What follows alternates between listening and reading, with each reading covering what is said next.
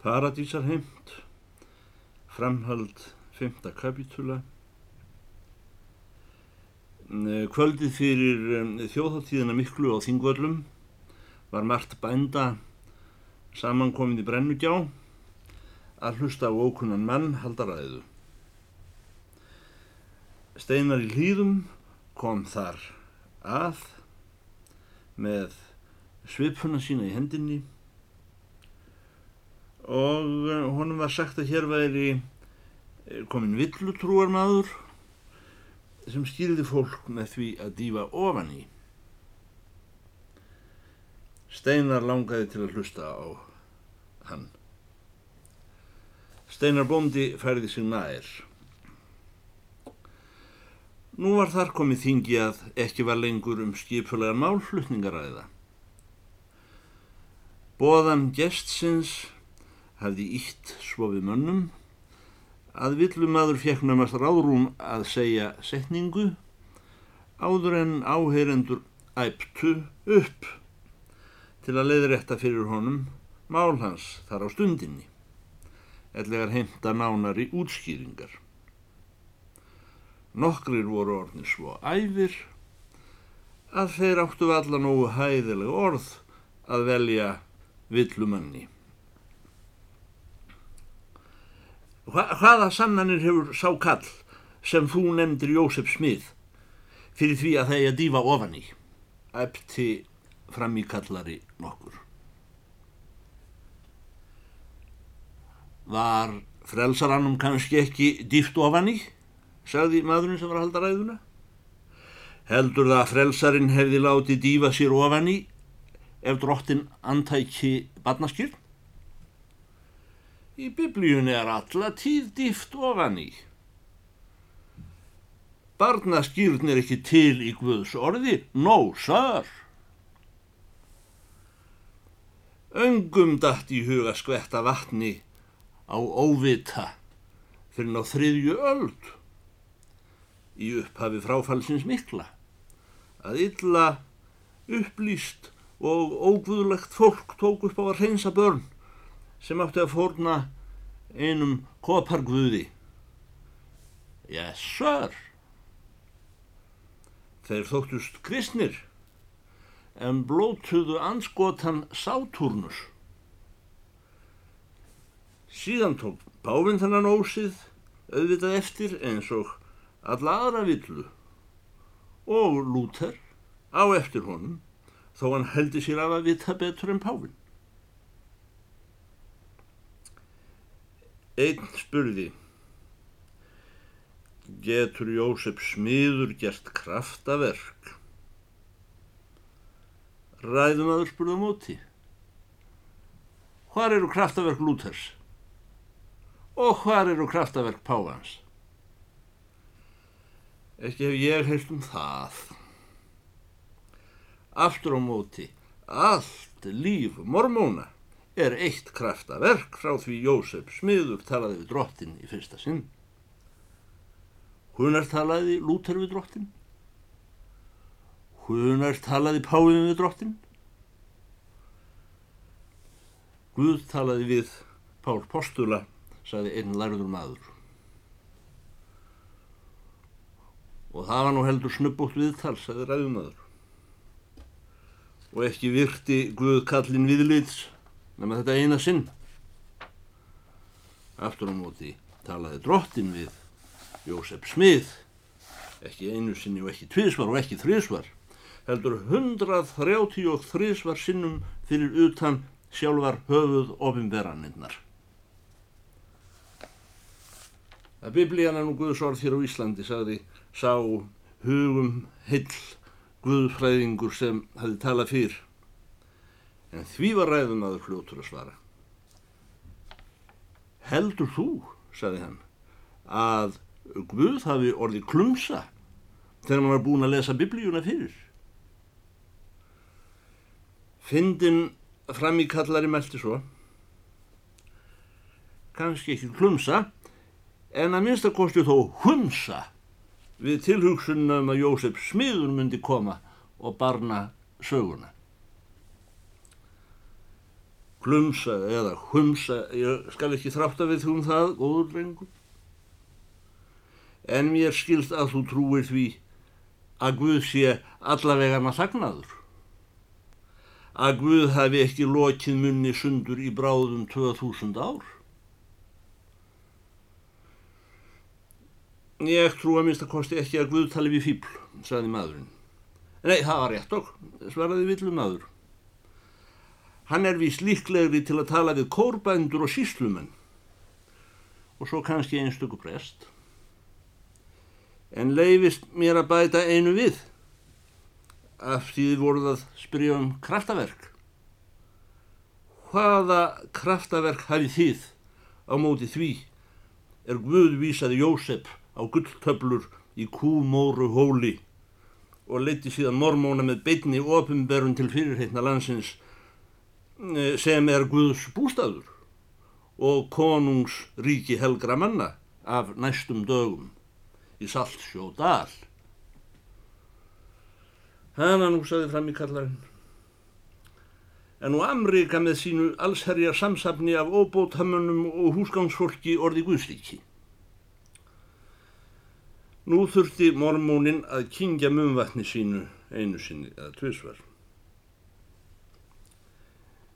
Ég viðurkenni, saði hann að lokum, að það er ekki trútt um að tungan klessist ekki við gómin á manni stundum hér á Íslandi. Og fálarðir menn eins og ég verði að taka vonum stóra sínum til að losa um hana.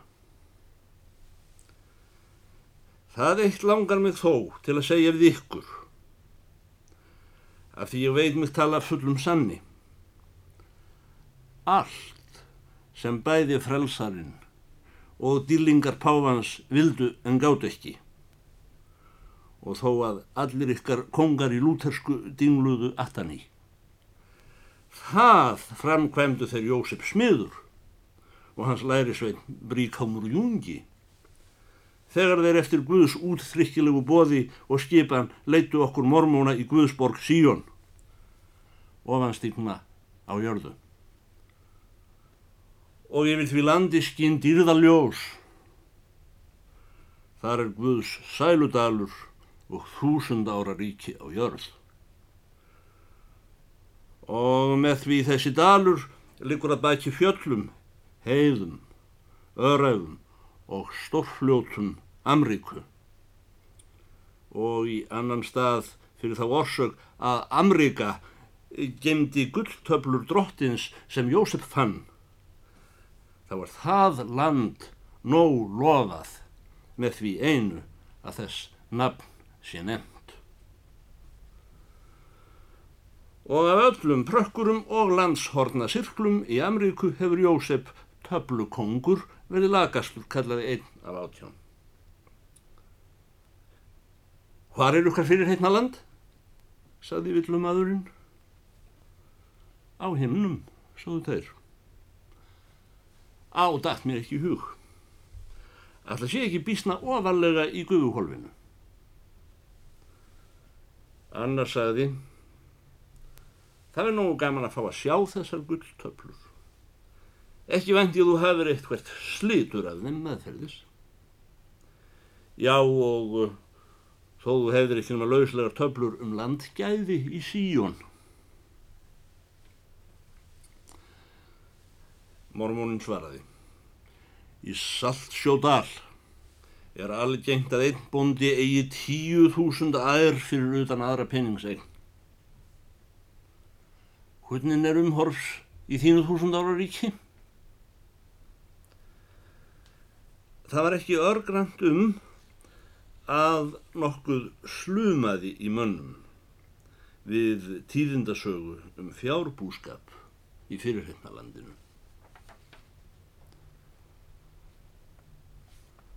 Vor frelsari er vor frelsari, lofsi Guði, vittnaði einn Guðrættur maður eins og til þess að stæla sig múti þessari miklu sögða eign. Já, er Jósef kannski ekki Jósef, sagði mormunin. Það hefði ég haldið þó ég sé ekki hálarður. Jósef er Jósef. Lofsi Guði. Nýja testamentið vittnar fyrir okkur, kallaði sá prestlega talandi. Sá sem trúr Kristi, trúr ekki Jósef. Nú lögstu, saði mormónin. Sá sem trúir Kristi, hann getur trúa Jósef. Engin nema sá sem trúi Nýja testamentinu getur trúað gulltöflunum. En sá sem kalla Nýja testamentið prakkarabók tilbúna af landshornasirklum og spyr hvað er frumritið? Hann getur ekki heldur trúa Jósef. Slíkur og því líkur maður mun segja þér að hann leggji nýja testamentið að jöfnu við töflunar hans Jósefs. Slíkur maður segir eins og kunningjar frelsar hans lögu upp nýja testamentinu þannig lögu kunningjar Jósefs upp gulltöflunum. Slíkur maður vil sanna fyrir þér að frelsarinn og Jósef hafi báðir verið óráðvandir menn.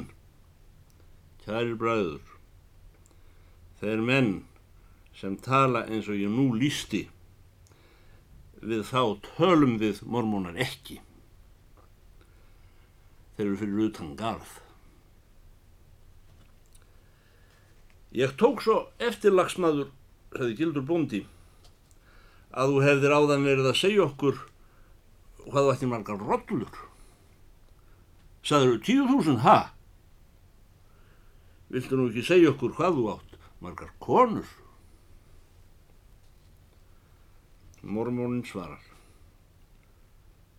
Hvað áttu þeir í biblíunni margar konur? Til dæmis menn eins og Salomón Bóndi? Sem var þó að minnstakosti eins mikil kórbúndi og þú. Og leiði kannski ekki lúter að landgreifanum af hessin að hafa fleiri en eina konu. Og tilhurs var pávadómur afláður í Englandi. Til þess að Hinrik Bondi gæti haft margar konur. Við erum nú Íslandingar hérna, segður Öttur Hófnum. Já, Íslandingar hafa alla tíð verið fjölkvænismenn, sagði mormónin. Nú supu ímsir góðir menn hveljur.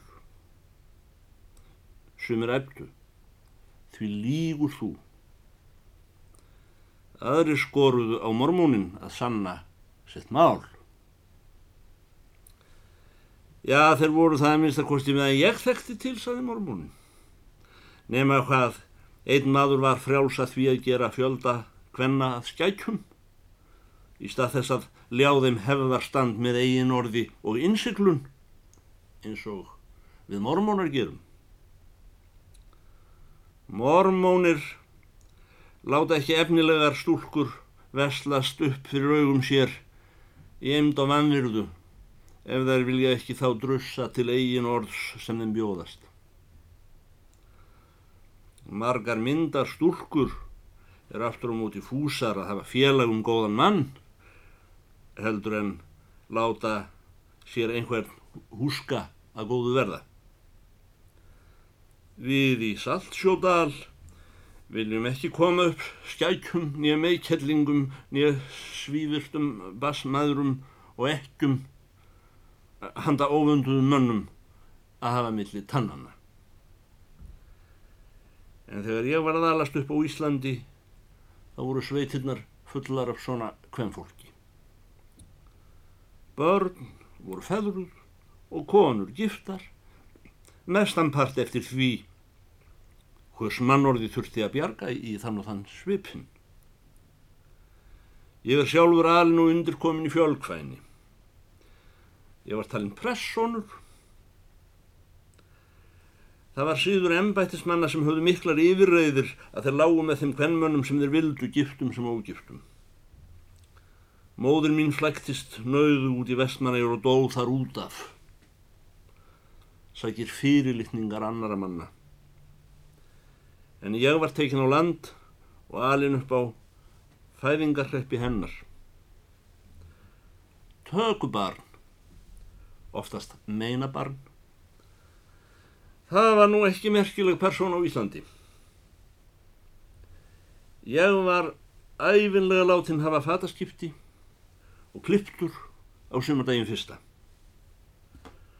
Þá var tekin upp pokinn sem tíkinn hafi leið á í bæjardýrónum um veturinn.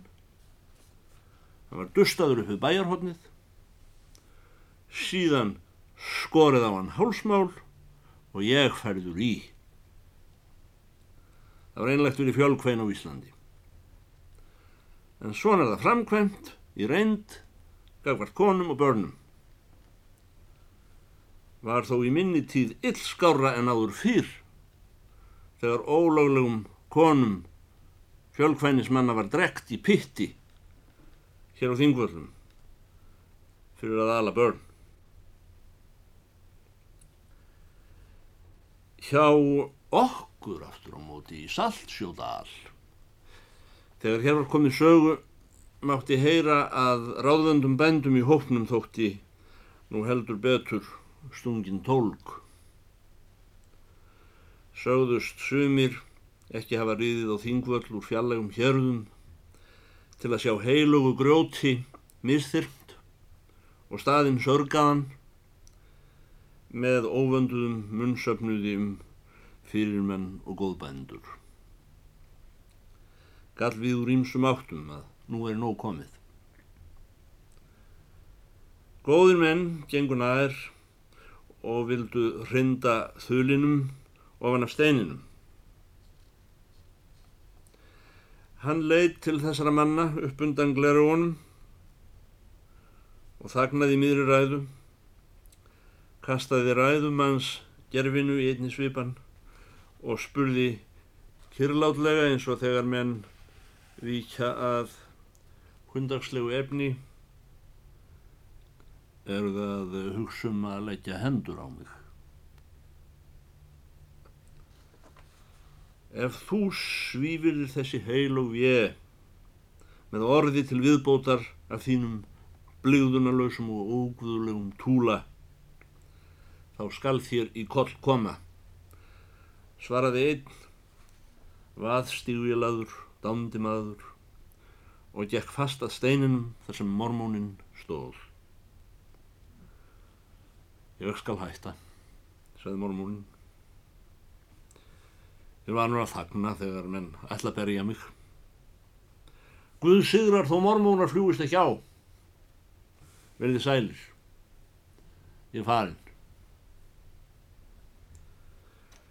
Þeir sögðu sveiðir og skammast þín að verða þér Guðusnafni mun. Mormónin klöngraðist ofan af steininum nokkuð styrðlega. Tveir eða þrýr góðir bændur hafðu hand á honum, þó ekki til að hjálpa honum nýður, heldur til að taka hann í karpúsið. Þeir heldu honum á milli sín framann í hópnum svo hver sem vildi gæti gengið fram og um, veitt honum ráðningu. Einn stígvélaður heldri maður kom og setti hann fótinn. Annar góður maður kom og gaf honum sinnundir horn. Þar stendur nú maður ekki yfrið stórmannlegur til síndar og um, dálítið eins og illa gerður hlutur með svipu í hendinni. Það er gott að hér í svipa, sagði feitur gullsnúraður maður með högutopp. Þú þarna rasmala gestur, lánaðu piltónum svipuna. Það vill nú svo til að svipan svo aðna hefur manns vit þó lítið sé, menn svo á að heita að ég haldi á henni, svaraði steinarbondi í hlýðum og hlói falsettu. En hvort sem það var nú af því að þeir fengi ekki liða svipu steinars í hlýðum, þá hættu þeir að ráða mormóninum ráðning, þeir slepptu honum og sóðum að fara til hellivítis. Hann eh, lurfaðist söður á við í áttu niður af vatninu í við gleiðgengur ögnbógin í mjórhryggin. Ímsir sendu hann tónin að förstum íslenskum þjóðsið og landlæri venju sem er æptu Amerika, aðrir saltlækjar sítra, nokkrir æptu klám. En hann horki leit við nýja greikkaði spórið. Innan skams lægðist ofsi manna og þeir tvístruðust. Síðan voru flestir menn horfnir úr brennugjá en hlýðabondin satt eftir á steini með svipuna sína. Þessi bondi var í hópi óreglulegra þingvallagesta og um, ekki fulltrúin eins sérstaks, valla sjálfsín, ekki einu sinni hessins síns, í hæsta lagi ef maður var fulltrúi fyrir svipuna sína. Fyrir bræðið hafiði heldur hverki verið gert ráð fyrir honum. Það var ekki neitt tiltekinn næturstaður handar honum á þjóðháttíðinu miklu nema mósin sem óks yfir heilagt gróð og ekki trakt hér hann utan gólan sem landvættir önduðu. Eftir hann hafiði selt hest sinn í hendur rossagjæslunni fyrir um kvöldið var hann orðin einsamall með svipuna. Sem hann var nú hér komin í brennu gjá og ekki í annað hús að venda, þá fór hann að svipast um eftir stað þar sem gambur mósin væri það þykkur að ekki fyndi fyrir eggjagrjótinu.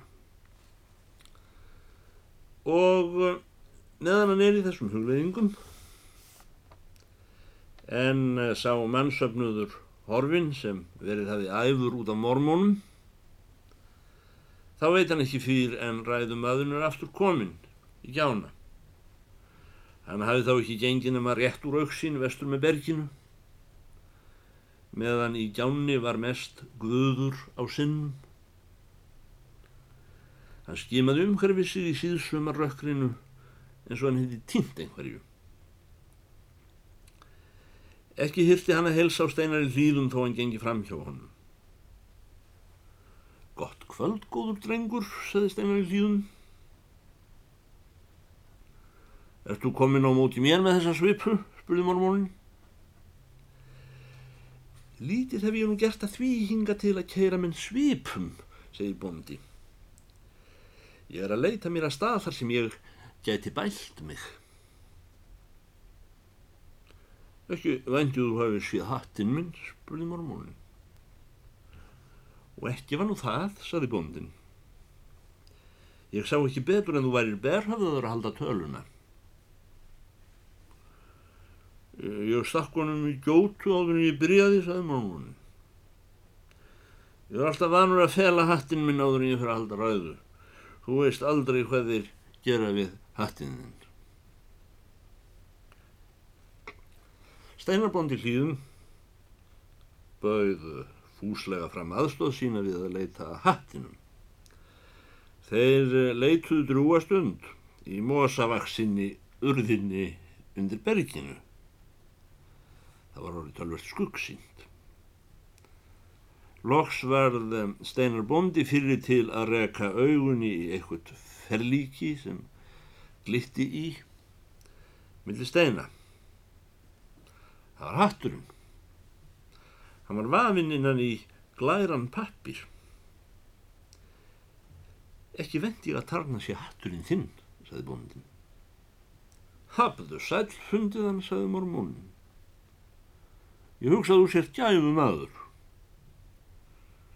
Þessi hattur og nærföld til skiptana það er nú alltaf sumt sem ég hef síðan þeir tóka mér bækurnar. Ef ég týni honum þá sínir það að ég er ekki góður fyrir minn hatt. Og hefur lagt utanum hann smjörpappir, saði bondin. Já, þeir leggja sotan utanum það hatta í Amríku. Ef það eru góðir hattar. Það er til þess þeir blotna ekki ef hann kemur á. Smjörpappir hrindir frá sér vætum. Hatturinn er alltaf eins og nýr. Já, lagsmaður, saði bóndin. Þó finnst mér merkilegast af öllu að í þinni álfu skulle verið þetta góða land eins og þú sagðir. Já því hér á Íslandi megi berja mig og, og setja ég mig löppinu eins og þið viljið upp á það, sagði málmónin. Mitt land er gott. Þú ert vist orðin ímsu vanur, sagði bóndin. Og þetta hérna var nú ekki mikið, sagði málmónin. Ég hef skjaldan verið barinn svona lítið. Ég hef þrísvarfengið stór skrollu. Margsinnis glóðarauga og það lausi mér tönn. Ég færið með heilar síslur þar sem mér var hvergi bóðið votnið þurrt þaðan að síður lofað að liggja undir þakki. Það voru orður frá síslumunum og prestum. Steinarbóndi í hlýðum var ekki vanur að áfællast menn en nú fjekk hann eigi varist að taka sér í munn fornan orðskvið sem vantir að hafa þá er litlir karlar gera sig ofdigra við sér meiri menn. Já, skyndu mig herra lögumadur. En hvað var nú það hjá því? Þegar þeir tókaði mér hver greiðin minn. Ég fór hundrað þingmannaleiðir fyrir vestan haf, mestan part gangandi úr Saltsjódal austur í Dakota. Þar til loksins ég fann það eina prenthús á vestur hveli jarðar sem hafði bókstafina Þorn og Eð og gatt sett upp hveri mitt. Þar finnast ef vel er leitað nokkrir sveitar ómaðar af Íslandi eins og ég á fljótsbakka handan skóa. Þegar búið var að prenta hverinn mín þarna í Dakota laði ég upp með þau hinga til Íslands. Og nú eru engin eftir. Með leiði, saði bóndin. Hvað skilur þessir blessaðir óvitar hafa gert við bækurnar?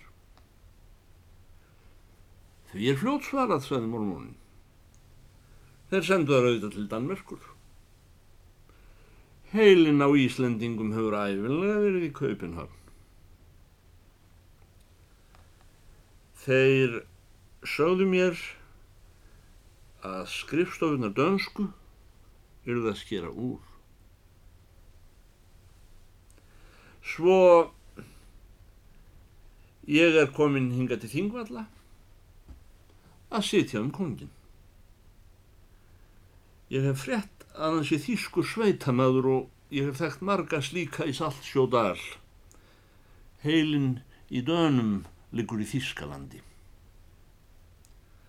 Þískarar aftur á móti smána ekki Íslendinga og þess vegna vænti ég mér helst einhvers að Þískara. Ég ætla að spyrja hann hvers vegna ég megi ekki hafa bækur eins og aðrir hér í kongsríkinu. Það var hyggilegt að þér, sagði Steinar í hlýðum. Þetta kuð vera góður konungur.